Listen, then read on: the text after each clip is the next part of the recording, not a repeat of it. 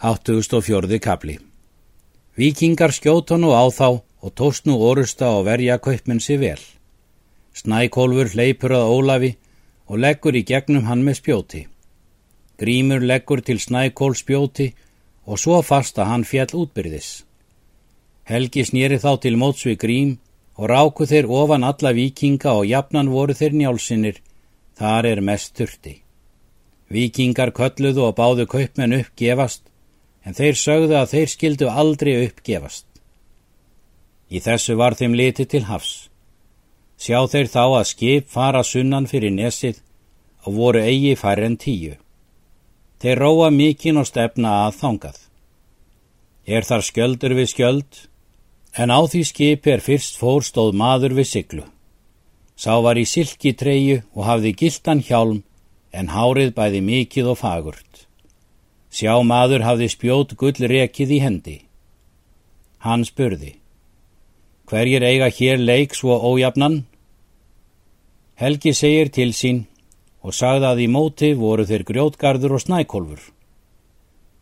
En hverjir eru stýrimenn, sagði sjá. Helgi svaraði, barður svart er lifir, en annar er fallin hér fyrir vikingum og hétt sá Ólafur en bróður minn heitir Grímur er mér fylgir. Eru því íslenskir menn, segir sjá. Svo er víst, segir Helgi. Hann spurði hver sínir þeir væru. Þeir sögðu. Þá kannast hann við og meldi, nafnfrægir eru þér feðgar.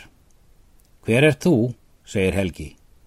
Kári heiti ég og er Sölmundarsson. Hvaðan komst þú að, segir Helgi. Úr söður eigum segir Kári.